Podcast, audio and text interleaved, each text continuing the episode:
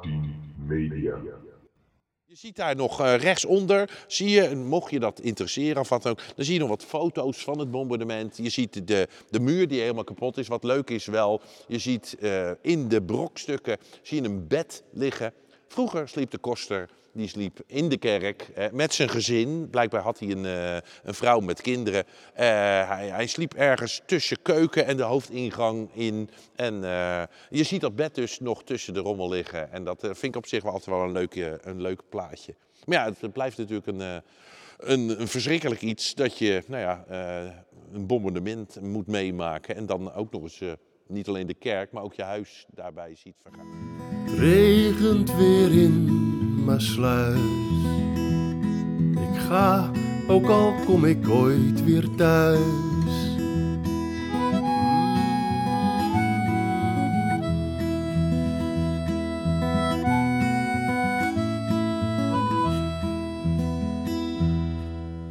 Hallo allemaal en welkom bij een nieuwe aflevering van de Maasluizen podcast.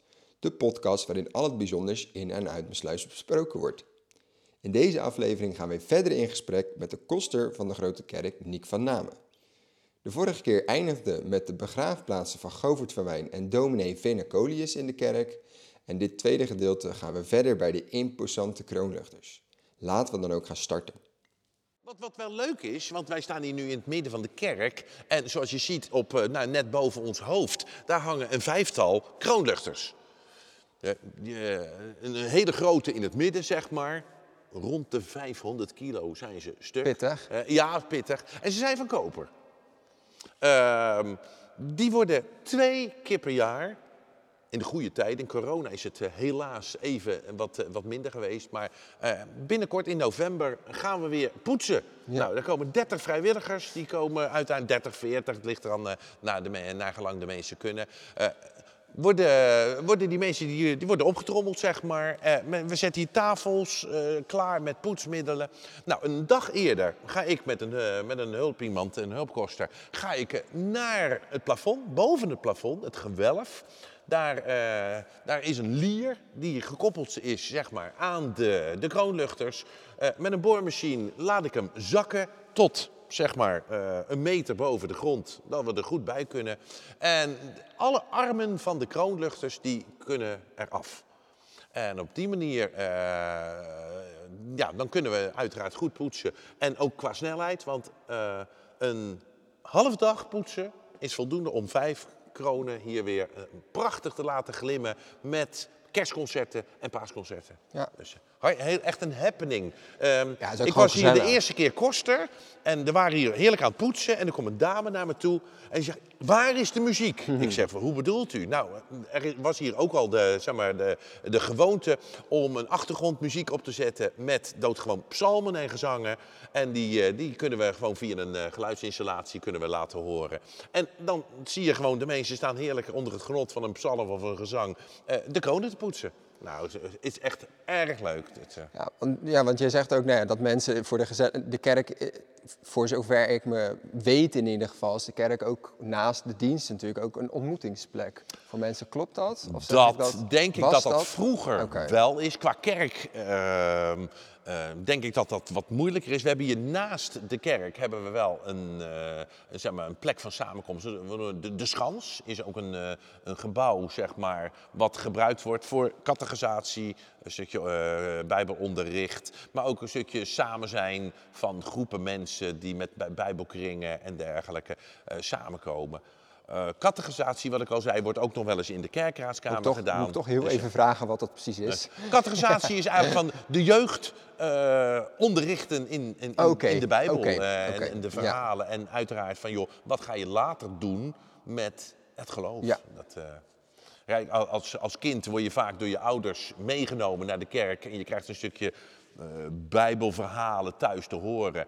Maar ja, dat blijft natuurlijk vrij oppervlakkig. Tenminste, het ligt aan uh, hoe de ouders dat mm -hmm. uiteraard doen. Maar vanuit de kerk wordt daar ook in gestimuleerd om die uh, mensen, zeker als ze op een, op een leeftijd komen, om voor het geloof te kunnen kiezen, dat ze daar nou ja, in ieder geval kunnen over samen, samen ja. spreken. Want hoe, hoe groot zou het percentage, of hoeveel jongeren komen er nu zeg maar, op een zondag? Nou, eh, qua, qua, dan kom je toch wel op een, op een in ieder geval op het ogenblik op een moeilijk punt. De kerken lopen op het ogenblik Ja. toch hard leeg. En dat merken wij niet alleen in deze kerk, ook in de andere kerken eh, zien we dat. En vroeger, nou, dan zat je in een ochtenddienst met 300, 400 man. Hmm. Zat je hier eh, uiteindelijk gemiddeld. En ja, dat is gewoon hard ach- achteruit gelopen. En ja, je mag zelfs tegenwoordig boffen dat je hier een 100, 150 man zeg maar, in een ochtenddienst hebt zitten. En een avonddienst, die wij nog steeds draaien hier zo, eh, eh, wordt het eh, uiteindelijk alleen maar minder. Dus eh, dan kom ik terug op de kinderen. Ehm, dat is de toekomst, niet alleen van alles, maar ook van de kerk. En je merkt dat daar dus doodgewoon eh te weinig aanvoer is van nou ja, nieuwe kerkleden. Eh, en zodoende loopt de kerkstand leeg. Die, die, dat loopt gewoon achteruit. Ja. En dat merken wij hier ook in deze kerk. Ja, en en- dat is, dat is een probleem, want daar moeten we het ook van hebben, financieel gezien.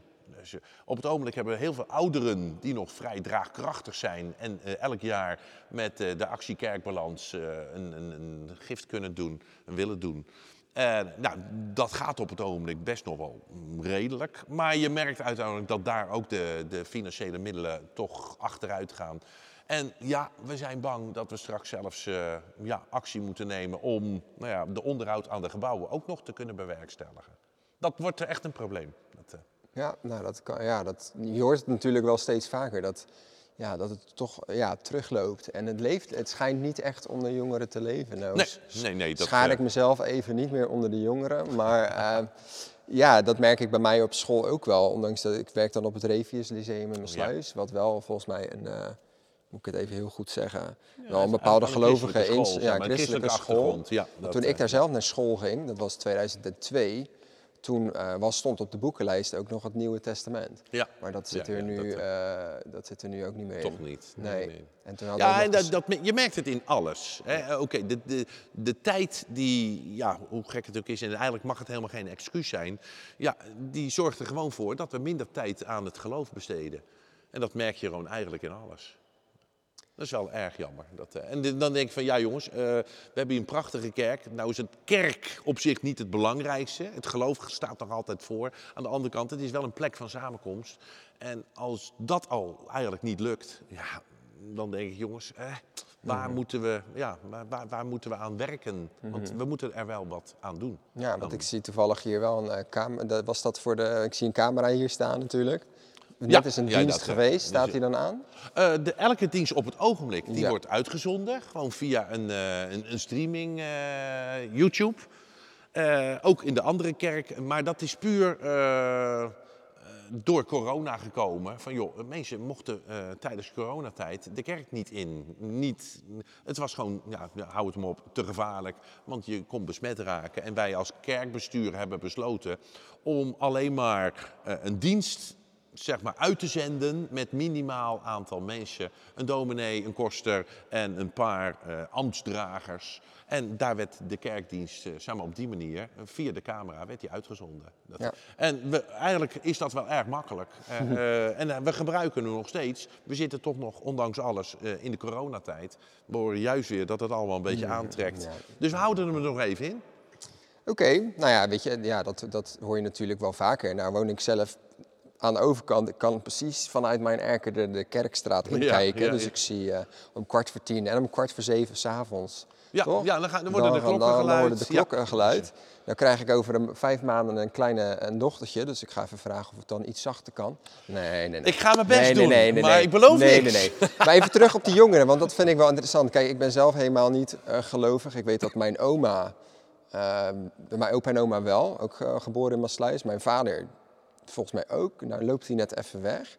Eh, maar wat zou je nou, stel nou dat we jonge luisteraars die nu luisteren, wat zou je nu tegen hen zeggen van wat zou het geloof hen kunnen bieden? En misschien ook, ik ben zelf niet gelovig, maar ik weet wel. Ik heb een jaar in Amerika gewoond toen ik 17 was. Die familie daar ging elke zondag. Ik ging mee, omdat dat ook een onderdeel was van hun gezinsleven. Eh, ja, ik weet van mezelf wel dat het, ja, het, het, het kan mensen wel heel erg eh, hoop bieden, houvast. Maar als je specifiek richt tot de jeugd, wat, wat denk je dat het hen zou kunnen bieden? Jeugd wordt op het ogenblik eh, heel veel getriggerd door allerlei externe dingen. eh, internet, feesten en je kan het zo gek niet bedenken. De tijd voor andere dingen, zoals geloof, wordt daardoor echt wel gekort.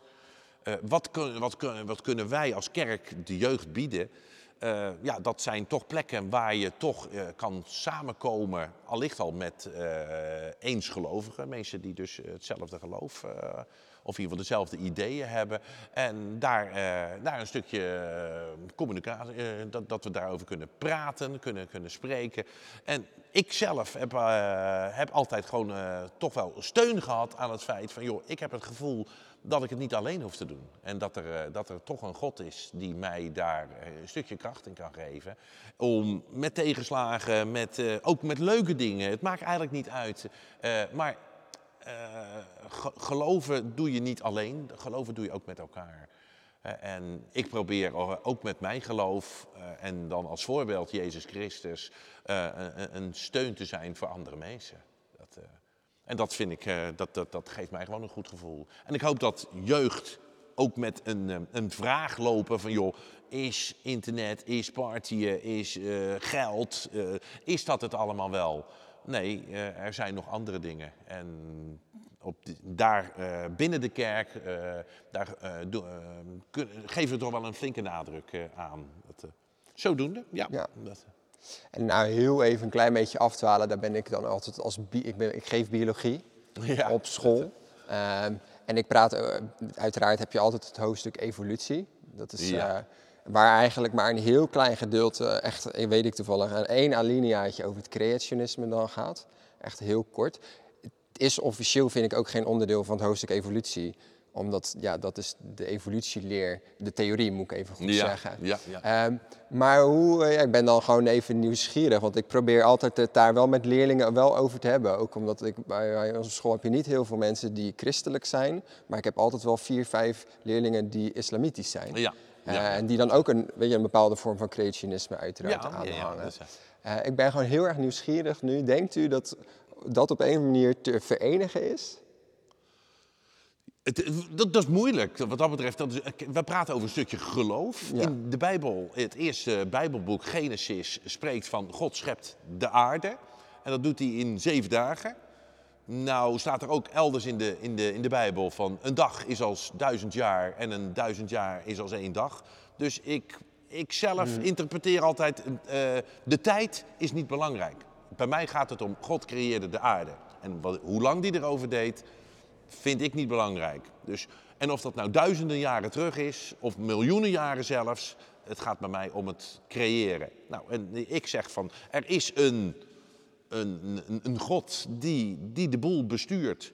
Eh, en, maar ook niet in die mate dat, dat wij dus echt als een, eh, een God als een politieagent boven ons staat eh, en ons zegt dat en dat, zo moet je het doen. Nee, die laat onze keuze, laat onze, heeft een vrije wil gegeven. En en ons zeg maar, jongens, haal het beste uit je leven. En denk niet alleen aan jezelf, maar denk ook Aan anderen. aan de anderen. Ja, dat is, Ik denk is- dat dat het belangrijkste dat is eigenlijk zeker. En- Los van wat je gelooft, denk ik zeker in deze tijd. Het individualistische, wat steeds Ja, meer nou, en mensen is- hebben. Ja, ja, ja. is natuurlijk, eh, en dat merk ik ook op school, maar ik merk het nou, aan heel veel mensen dat, ja, weet je, ongeacht, en dat is ook wat ik, nou ja, jij bent zelf ook leraar geweest, wat je ook je leerlingen probeert mee te geven, denk ik, is van, ja, weet je, ongeacht wat je gelooft, of je nou evolutie of creationisme, eh, God, Allah, het maakt allemaal niet uit, maar ja, hou rekening met elkaar, respecteer elkaar. Nou ja, maar dat is, ja, Dat is de basis, ja. Eigenlijk, Jezus zegt het ook van, joh, eh, eh, oké, hou van God, maar hou eigenlijk alleen maar van je medemens. Ja. Dat zijn toch twee dingen die in de Bijbel gewoon keihard terugkomen. Je bent er niet voor jezelf, je bent er eigenlijk gewoon voor iedereen om je heen. En volgens mij is dat. Ik vind religie, ik ben nou, niet zelf geloof, maar ik vind het altijd heel interessant. Ja, Ook omdat, ja, eh, omdat ik wel het gevoel heb, en misschien kan je dat beamen, maar zodra je een beetje. Ik heb een vriend en zijn ouders zijn dan eh, Hindoeïstisch. Nou, ik heb wat leerlingen die zijn dan eh, islamitisch, nou, en zo.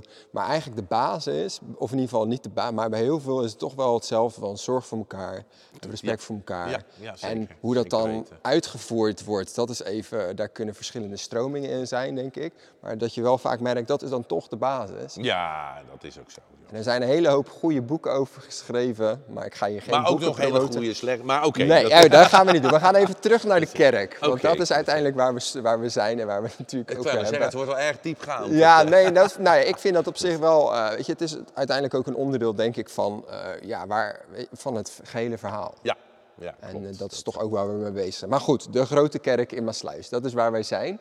Ehm, ik zie daar, ehm, die zag ik net ook al, glas in lood, 18 maart 1943. Ja. Zwarte dag in de geschiedenis van de grote kerk. Inderdaad, dat is het bombardement.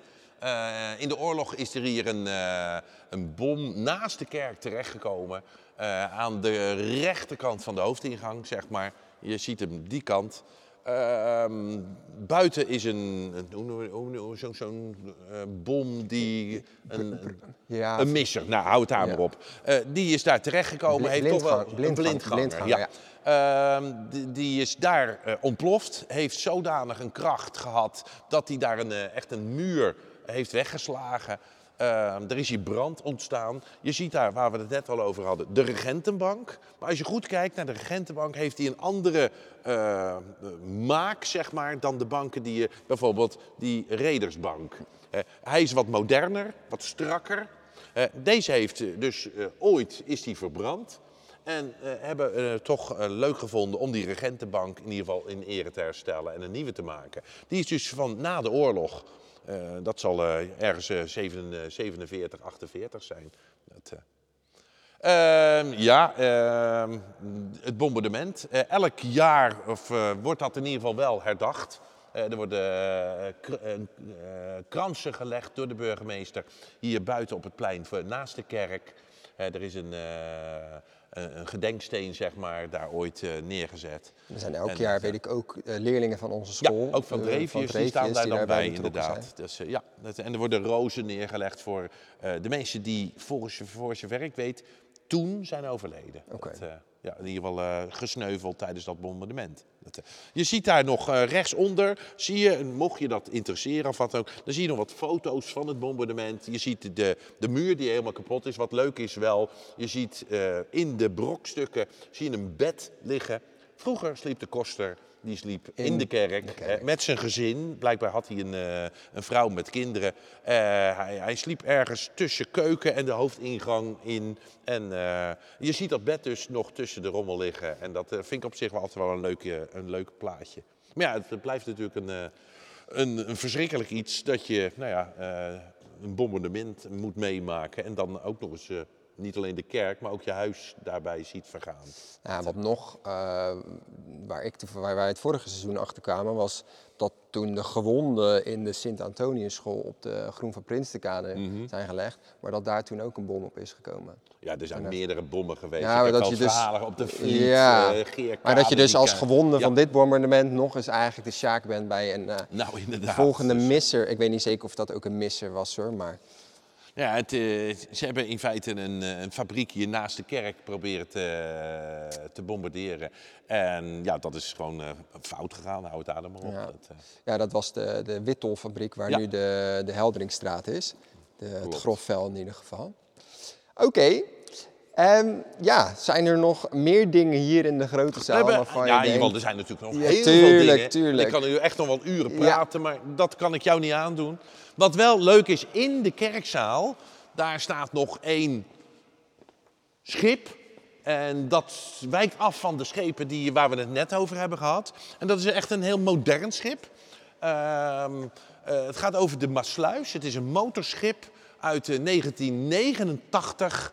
eh voer die nog zeg maar eh, op zee. En eh, ehm, bij eh, Algerije is hij in eh, in een storm terechtgekomen en is daar op de klippen gelopen. Eh, hij is uit zijn roer gegaan en uiteindelijk is hij daar nou, in vergaan. En daar zaten een aantal Nederlandse, misschien wel Maasluise mensen op.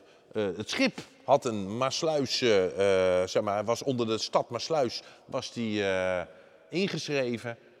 En ja, en de Netloid, voor zover ik weet, dat, dat, daar komt hij vandaan, daar voer die o- onder. Die had het voorheen in zijn hoofdgebouw in Rotterdam staan. En die, eh, die verhuisde van gebouw, die moesten groter, het ging blijkbaar heel goed. En die verhuisden van gebouw en die hadden eigenlijk geen plek meer voor deze maquette. Eh, toen hebben ze aan de gemeente Maasluis hebben ze gevraagd van, joh, kunnen jullie hem kwijt? Ook Maasluis gemeente, die had te weinig ruimte en die kon hem niet kwijt. En toen kwamen ze uiteindelijk toch, het is toch een Maasluis plaatje. eh, kijken of we hem in de, in de grote kerk kunnen plaatsen. En dat, eh, daar hebben ze gehoor aan gegeven. En elke, eh, voorheen was het elk jaar, werd die, werd, die- werd die herdacht zeg maar op 15 februari. Eh, tegenwoordig is het geloof ik één keer in de vijf jaar dat nabestaanden hier een, een klein samen zijn zeg maar, organiseren om eh, de overleden mensen, de gevallenen, te herdenken. Dat, eh, je, je ziet een, een koperen klok ernaast hangen. Die is dus origineel van het schip. Die hing dus vroeger echt aan boord. Die hebben ze weer terug kunnen vinden. Ehm, en puur uit ja, een stukje gedachtenis aan die mensen. Ik heb er zelf niks mee, maar ik werk hier wel. Op 15 februari luid ik De gewoon klok. één keer de klok.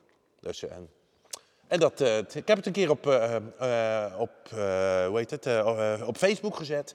Ik krijg er heel veel positieve Reacties op. En dan denk ik van, nee, dat, dan doe je er toch goed aan. Ja. Dus, ja.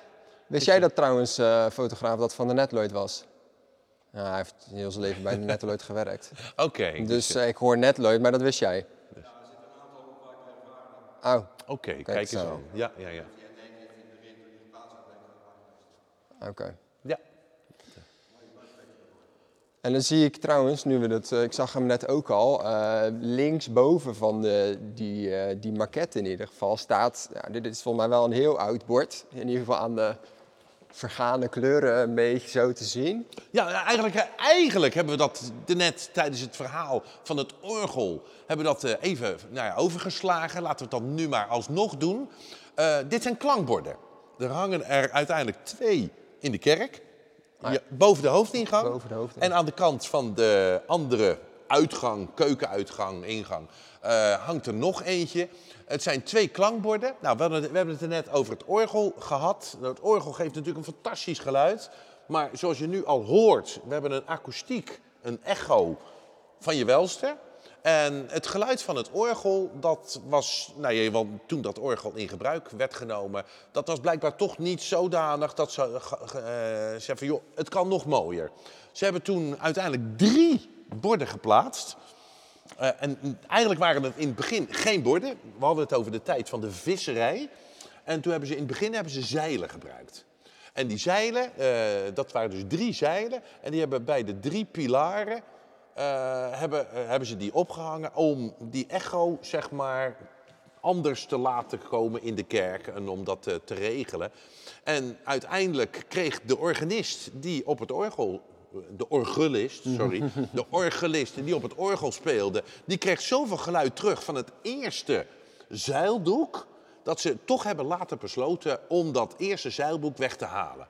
Dat, eh, eh, uiteindelijk zijn er dus twee overgebleven. En later, en ik durf niet een jaartal te zeggen, hebben ze eh, de zeilen veranderd in zeg maar houtwerk. En die hebben ze tussen de pilaren en de muren gemonteerd.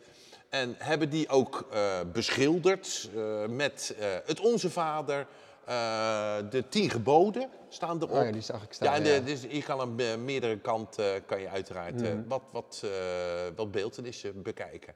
Dat. Ja, het is wel heel apart. Ik vind het eigenlijk jammer dat het, de, de kleuren vervagen, zeg maar. En ja, ze zouden misschien ooit gerestaureerd kunnen worden. Eh. Maar eh, ik vind het, nee hoor, het is nog goed te lezen. En, Het is, eh, nee, het is zeker goed te lezen. Eh, en ik vind het ook wel mooi. Dat, dat zijn ook van die dingen. Weet je, daar, je komt binnen in een kerk en je kijkt naar de orgel. En je, je- dat, die dingen vallen eigenlijk, nou ja, die borden moet ik zeggen, vallen eigenlijk niet zo heel erg op. Maar ze hebben wel een hele belangrijke functie. Het hebben een hele belangrijke functie. Ik maak hier nog wel de nodige concerten mee, ook orgelconcerten. En dan, dan weet je gewoon van, joh, je zit hier ook voor de muziek. Ja.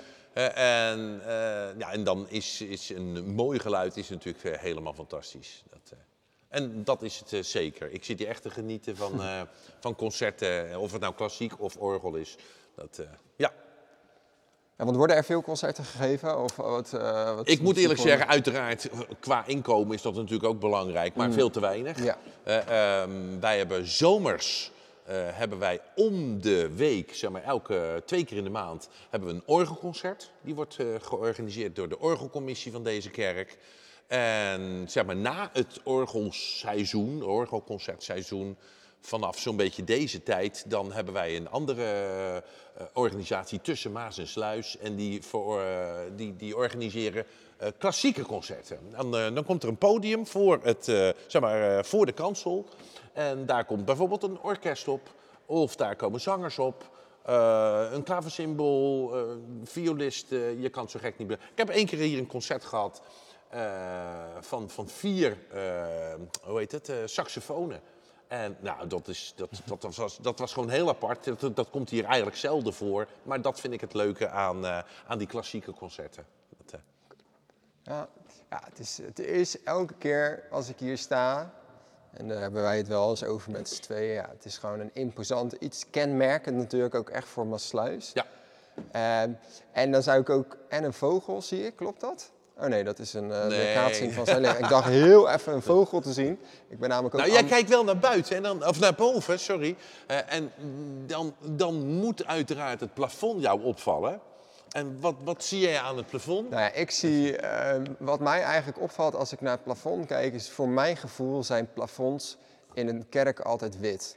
Dat is eigenlijk wat mij opvalt. Ik heb het gevoel dat het niet hetgene is wat je, waar jij naar op zoek bent.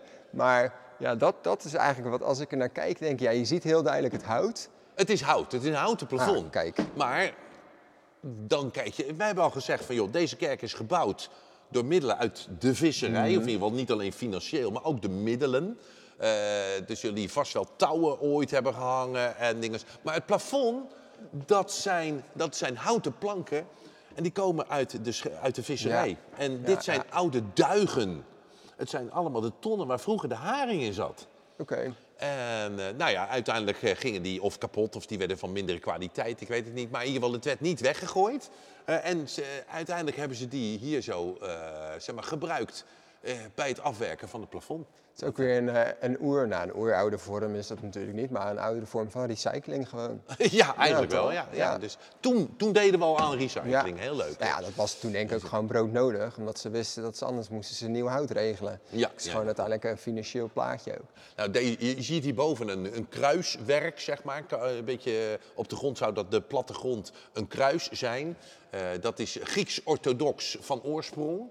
Eh, deze kerk is gebouwd eh, als een, eh, een, een, eh, een kopietje van eh, Ja, de Noorderkerk, De? Noorderkerk in Amsterdam. Ze hebben daar de plattegrond van gebruikt. En, eh, maar de Noorderkerk, als je die nou bekijkt, dan zie je ook, die heeft een kruisvorm.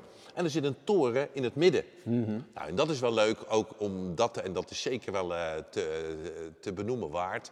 eh, de toren hier zo is oorspronkelijk, heeft ook in het midden gestaan.